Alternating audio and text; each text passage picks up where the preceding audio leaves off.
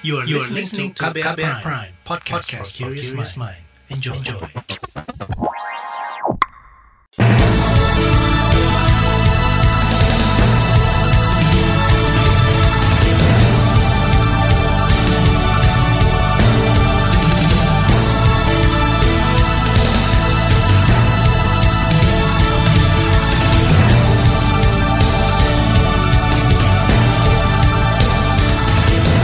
Selamat pagi saudara, senang sekali kami bisa menjumpai Anda kembali melalui program Buletin Pagi edisi Senin 5 Desember 2022.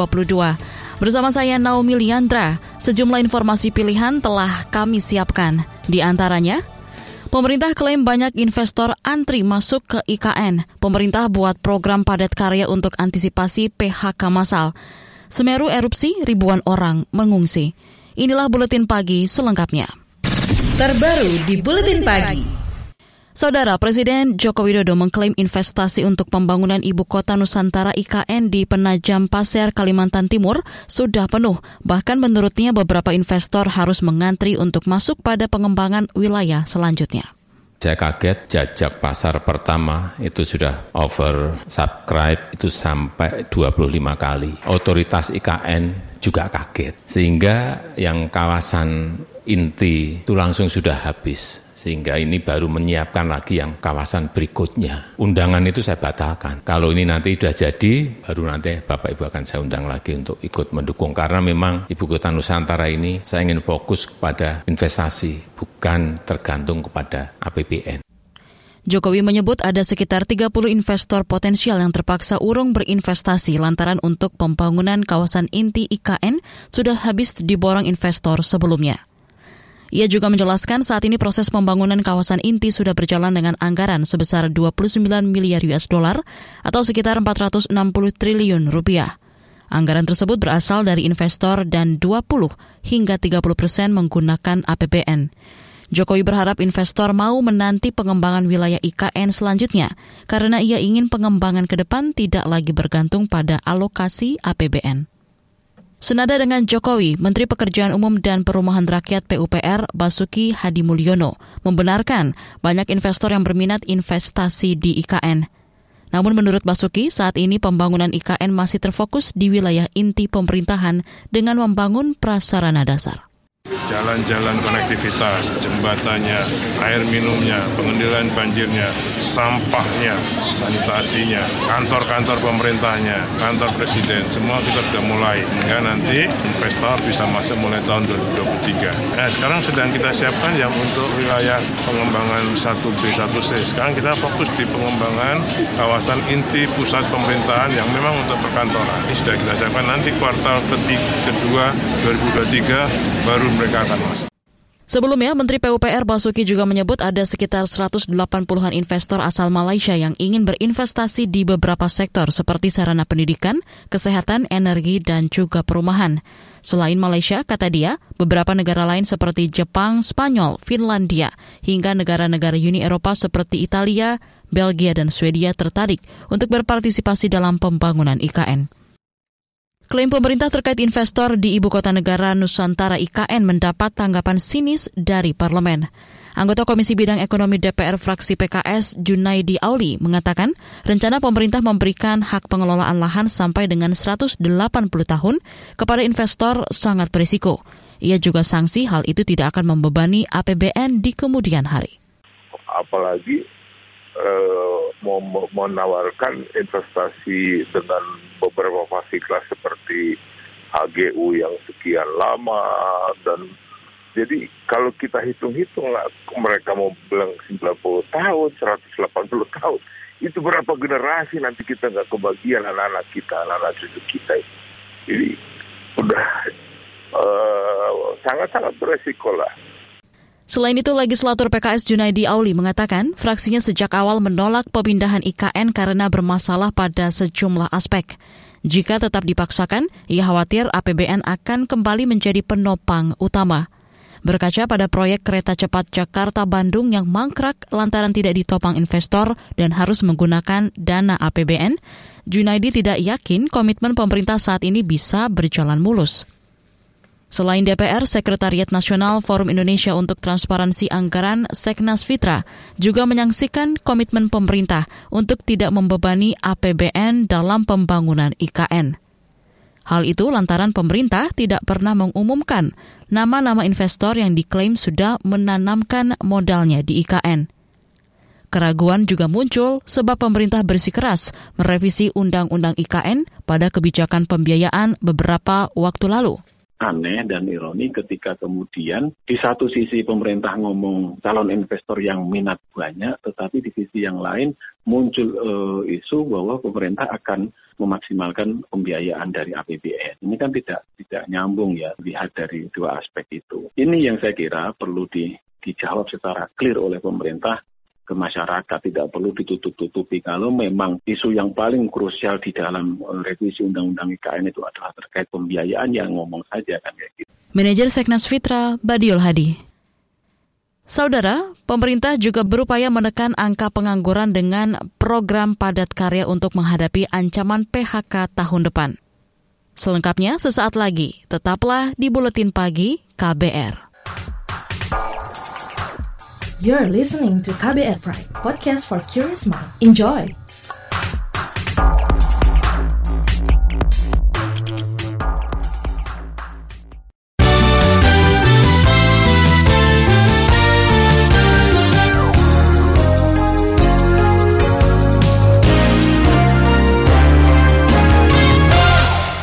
Saudara, Wakil Presiden Maruf Amin mengatakan pemerintah saat ini tengah mengimplementasikan berbagai program padat karya untuk menekan potensi pemutusan hubungan kerja PHK yang diprediksi bisa mencapai 2 juta pekerja tahun depan. Kita memang pemerintah meningkatkan padat karya ya dari berbagai proyek-proyek kita dan kemudian juga dana desa itu juga 40 persennya juga dalam rangka padat karya di bawah sekaligus juga mengantisipasi pada banyak ketahanan pangan itu disalurkan untuk mengatasi pengangguran dan kemiskinan ekstrim. Wapres dalam sebuah video keterangan resmi yang diunggah ke kanal YouTube Wakil Presiden Republik Indonesia mengatakan pemerintah meningkatkan padat karya dari berbagai proyek-proyek dan kemudian juga dana desa sekian persen. 40 persen juga dalam rangka padat karya di bawah sekaligus juga mengantisipasi pada ketahanan pangan. Dan hal itu disalurkan untuk mengatasi pengangguran dan juga kemiskinan ekstrim. Selain itu, Wapres menambahkan pemerintah juga akan mendorong UMKM dengan memberi pelatihan agar usaha lokal terus tumbuh. Sebelumnya, Menteri Koordinator Bidang Pembangunan Manusia dan Kebudayaan Menko PMK Muhajir Effendi membenarkan adanya potensi PHK besar tahun depan. Salah satu penyebabnya yakni pengurangan jumlah produksi akibat menurunnya permintaan ekspor. Kita beralih ke informasi lain. Menteri Pendidikan, Kebudayaan, Riset, dan Teknologi Mendikbudristek Nadiem Makarim berjanji akan melengkapi formasi guru ASN P3K jika pemerintah daerah tidak kunjung mengajukan formasi 100% sesuai kebutuhan. Nadi menyebut kebijakan itu diambil lantaran selama ini para guru yang telah lolos passing grade tidak kunjung mendapat penempatan di Pemdanya. Kami menyiapkan rencana kebijakan terkait guru ASN P3K di tahun depan. Dan ini sudah diputuskan kolaborasi antara kami, Kemenpan RB, Kemendikbudristek, Kemenpan RB, dan Kemenq dengan juga restu Pak Presiden. Terima kasih sekali Pak Presiden untuk dukungannya kepada guru-guru honorer. Jika pada bulan Maret tahun depan Pemda tidak mengajukan formasi sesuai dengan kebutuhan, maka pemerintah pusatlah yang akan melengkapi formasi tersebut. Selain itu, Mendikbudristek Nadiem Makarim juga mengatakan pihaknya telah berkoordinasi dengan lintas kementerian untuk memastikan anggaran gaji dan tunjangan guru ASN P3K tidak digunakan untuk kebutuhan lain. Sebelumnya berdasarkan data kantor staf Presiden KSP, dari total 193 ribuan guru honorer se-Indonesia yang dinyatakan lolos passing grade prioritas 1 P3K 2021, terdapat sekitar 54 ribuan guru yang nasibnya masih terkatung-katung tanpa SK pengangkatan dan juga penempatan. Kementerian Ketenagakerjaan Kemenaker mencatat angka angkatan kerja di perkotaan meningkat pesat ketimbang di pedesaan dalam kurun 10 tahun terakhir. Sekretaris Jenderal Kemenaker Anwar Sanusi mengatakan jumlah angkatan kerja di pedesaan 51 persen atau sedikit lebih tinggi dibandingkan perkotaan 49 persen di 2013. Namun di 2022 terjadi peningkatan masif. Angkatan kerja di perkotaan menjadi 54 persen dan pedesaan hanya 46 persen. Ini sesuatu fenomena yang memang yang kalau di, di kita kenal adanya migrasi perkotaan yang cukup masif yang membuat orang itu berpindah dari desa ke kota. Dan ini kalau kita lihat data yang lebih dalam, ini cukup memberikan semacam katakanlah tantangan yang harus kita respon terutama dilihat dari sisi misalnya adalah kondisi dari keangkatan kerja yang ada di pedesaan baik level tingkat pendidikan Sanusi mengatakan dalam acara bertajuk Membangun Sinergi Global Berdaya Kearifan Lokal, sesuatu fenomena yang memang kalau dikenal adanya migrasi perkotaan yang cukup masif membuat orang berpindah dari desa ke kota. Dan jika dilihat data yang lebih dalam, cukup memberikan semacam tantangan yang harus direspon. Dari sisi misalnya adalah kondisi angkatan kerja yang ada di pedesaan level tingkat pendidikan. Selain itu, Sekjen Kemenaker Anwar Sanusi juga menambahkan, tingkat pendidikan angkatan kerja di pedesaan didominasi lulusan SMP sebanyak 70 persen dan SMA ke atas 30 persen. Sedangkan di perkotaan, tingkat pendidikan angkatan kerja SMA ke atas 55 persen, sedangkan SMP hanya 45 persenan.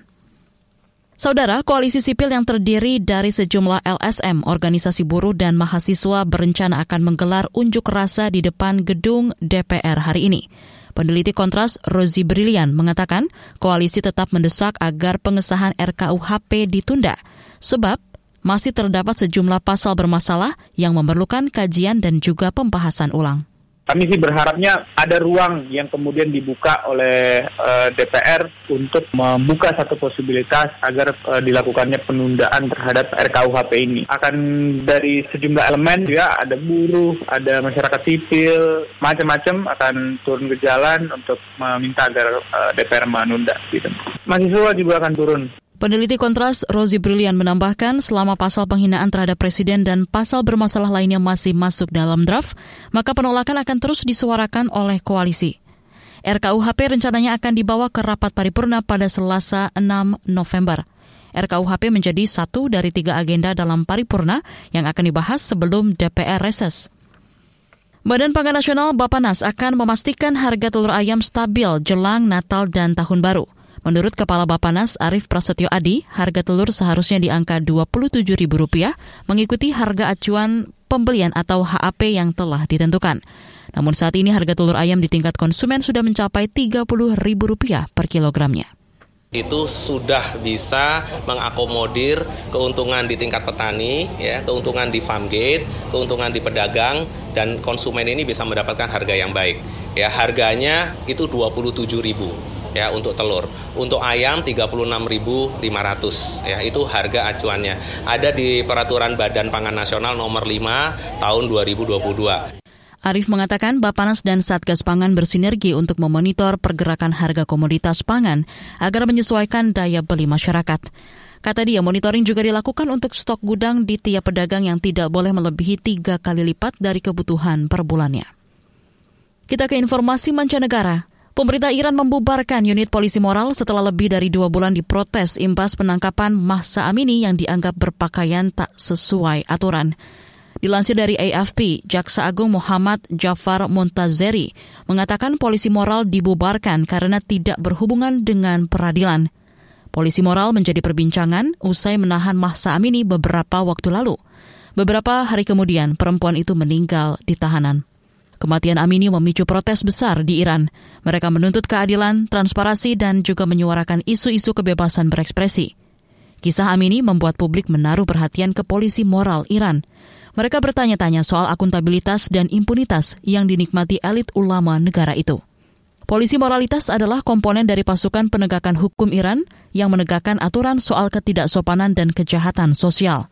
Mereka memiliki akses kekuasaan, senjata, dan pusat penahanan.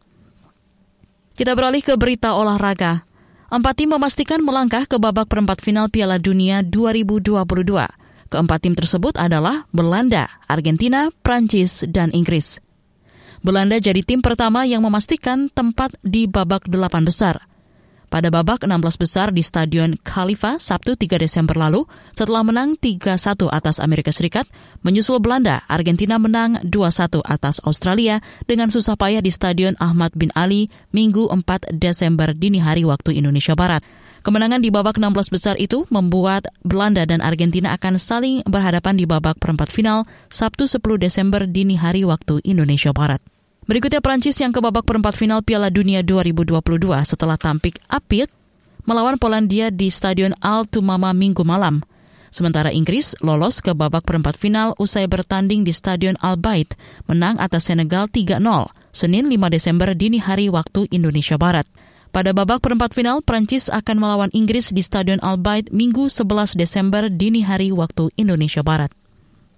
Komunitas Biboki lestarikan tenun ikat tradisional. Simak selengkapnya dalam saga usai jeda berikut. You're listening to KBR Pride, podcast for curious mind. Enjoy!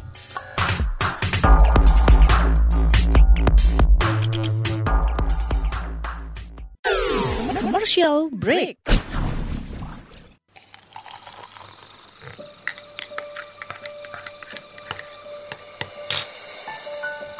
Hai, kamu apa kabar? Masih suka menikmati senja dan kopi? Aku masih ingat kebiasaan kita. Sehabis pulang kerja, selalu mencari tempat untuk sekedar ngobrol dan ngopi. Tapi kadang kita kehabisan bahan obrolan. Aku masih melakukan hal yang sama sampai sekarang tanpa harus takut habis bahan buat ngobrol karena aku selalu mendengarkan KBR sore dari Senin sampai Jumat jam 4 sore. Ah, aku rindu. KBR Inspiratif Terpercaya.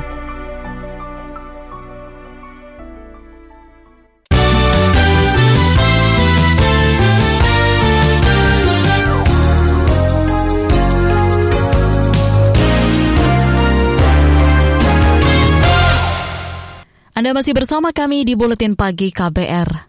Saudara, suku Biboki di Kabupaten Timur Tengah Utara NTT punya tenun ikat tradisional yang diwariskan turun-temurun. Mendiang Yovita Meta Bastian berjuang melestarikannya selama 30 tahun lebih. Lewat dampingannya, tenun Biboki bisa bertahan dan menghidupi ratusan perempuan lokal.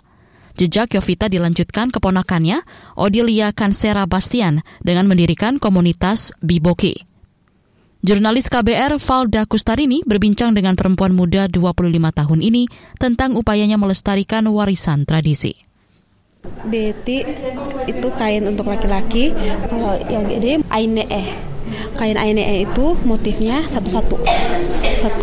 Kalau yang ini kain laki-laki juga, tapi bukan kain aine dia ainaek namanya Ainaek motifnya Odilia Kansera Bastian antusias mengenalkan beragam motif kain tenun ikat khas Biboki Nusa Tenggara Timur.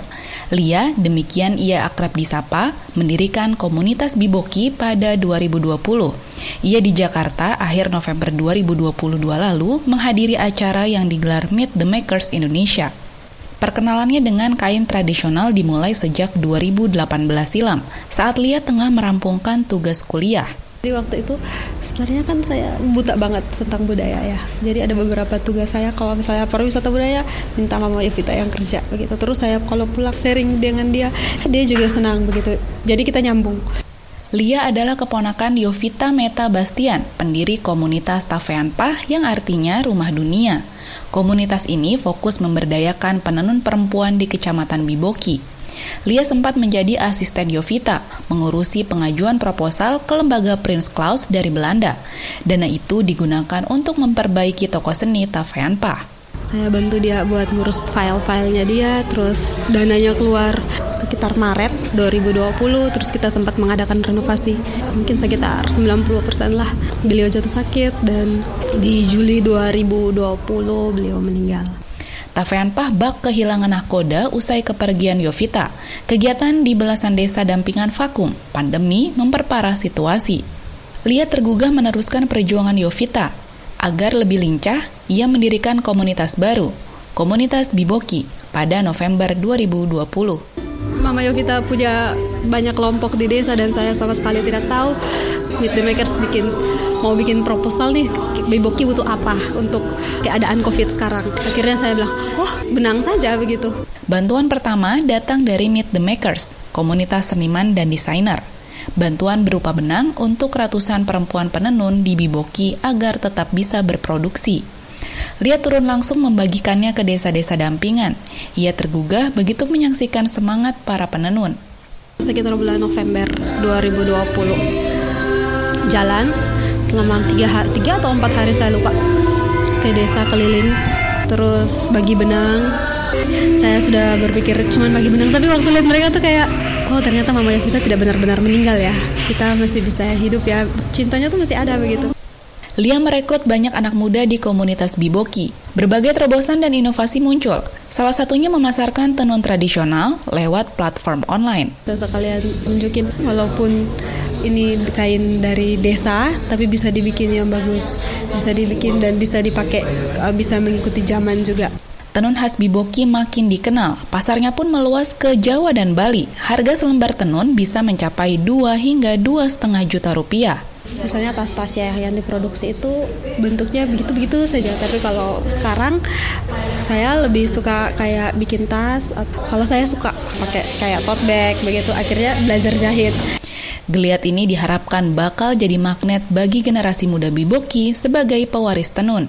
Kalau belajar tenun, pertama mungkin susah, terus kuno, kelihatannya seperti deso banget. Ya, budaya itu sesuatu yang penting, yang harus kita pelajari, yang harus kita jaga. Dan kalau kita tidak belajar tentang budaya yang ada di daerah kita, kesian banget. Lama-kelamaan itu bisa hilang.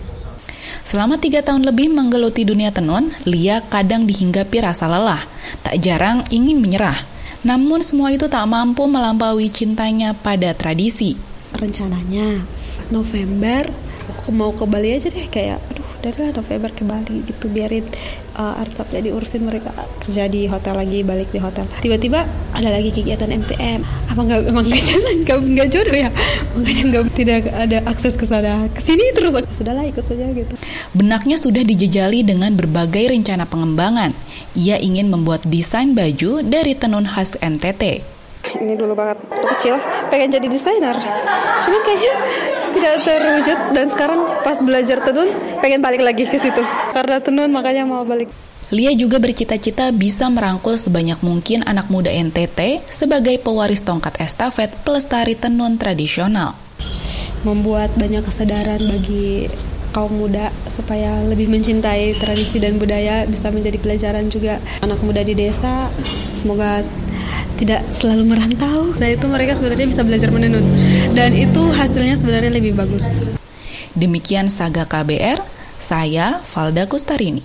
Informasi dari berbagai daerah akan hadir usai jeda. Tetaplah bersama Buletin Pagi KBR. You're listening to KBR Pride, podcast for curious mind. Enjoy!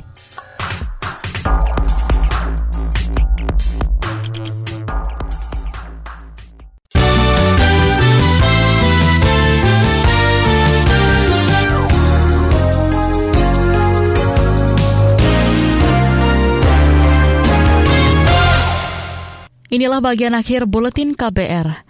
Saudara Badan Nasional Penanggulangan Bencana BNPB mengumumkan sampai minggu sore kemarin, situasi secara umum di sekitar Gunung Semeru, Jawa Timur sudah terkendali. Juru bicara BNPB Abdul Muhari menyebut sejak minggu dini hari, Semeru terus memuntahkan awan panas. Pukul 12 siang kemarin, Pusat Vulkanologi dan Mitigasi Bencana Geologi PVMPG menaikkan status Gunung Semeru dari level 3 atau siaga menjadi level 4 atau awas. Namun kata Abdul hingga pukul 14 lebih 29 waktu Indonesia Barat, grafik gempa dari awan panas mereda. Jadi dari dini hari tadi BPBD beserta personil TNI Polri sudah mengkondisikan dan mengevakuasi masyarakat untuk lansia dari hasil komunikasi kami dengan perangkat daerah di Lumajang itu sudah evakuasi. Kemudian untuk masyarakat secara umum pada saat ini juga sudah berkumpul dan dikondisikan di titik-titik kumpul sebelum nantinya dievakuasi jika kondisi memang mengharuskan untuk evakuasi. Sementara itu berdasarkan data BPBD Provinsi Jawa Timur hingga Minggu 4 Desember 2022 malam, ada 2.219 warga pengungsi. Mereka tersebar di 12 titik pengungsian seperti di balai desa, rumah ibadah, gedung sekolah, lapangan, dan kantor kecamatan.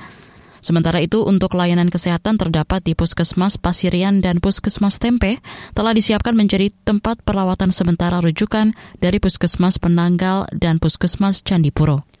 Beralih ke Jawa Barat, Sekretaris Daerah Cianjur Jawa Barat Cecep Alamsyah menyampaikan bahwa pemerintah telah menyiapkan tempat relokasi di lahan seluas 2,5 hektar di Desa Sirnagalih untuk membangun 200 rumah pada tahap pertama. Menurutnya jenis rumah tersebut merupakan rumah instan sederhana sehat dengan struktur tahan gempa. Cecep memastikan pemerintah juga tengah mengusulkan tempat lain untuk penambahan relokasi. 2,5 hektar itu adalah Eh, baru tahap pertama sebanyak 200 rumah. Nah, kami sedang mengusulkan di tempat yang lain di Kecamatan Made sebanyak 30 hektar. Dan itu mudah-mudahan bisa mengcover uh, semua semua atau bahkan kalau misalnya masih kurang nanti kita carikan tempat yang memang di situ nanti uh, setelah ada pengkajian dari para ahli itu untuk aman ditempati dan sarana uh, akses terhadap air bersih dan lain-lain itu bisa dijangkau. Sekda Cianjur Cece Palamsyah menjelaskan jumlah rumah rusak berat yang terverifikasi saat ini masih terus bertambah. Dari semula 7.817 unit menjadi 8.151 unit hingga kemarin. Kata dia kerugian material berupa rumah rusak, sedang, dan rusak ringan juga bertambah. Sementara itu terkait update pencarian korban meninggal dunia akibat gempa tersebut saat ini sebanyak 334 orang, di mana 8 korban masih belum ditemukan. Saudara, informasi tadi menutup jumpa kita di Buletin Pagi hari ini.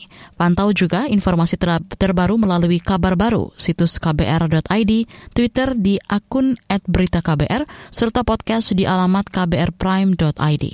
Akhirnya saya Naomi Liandra bersama tim yang bertugas undur diri. Salam.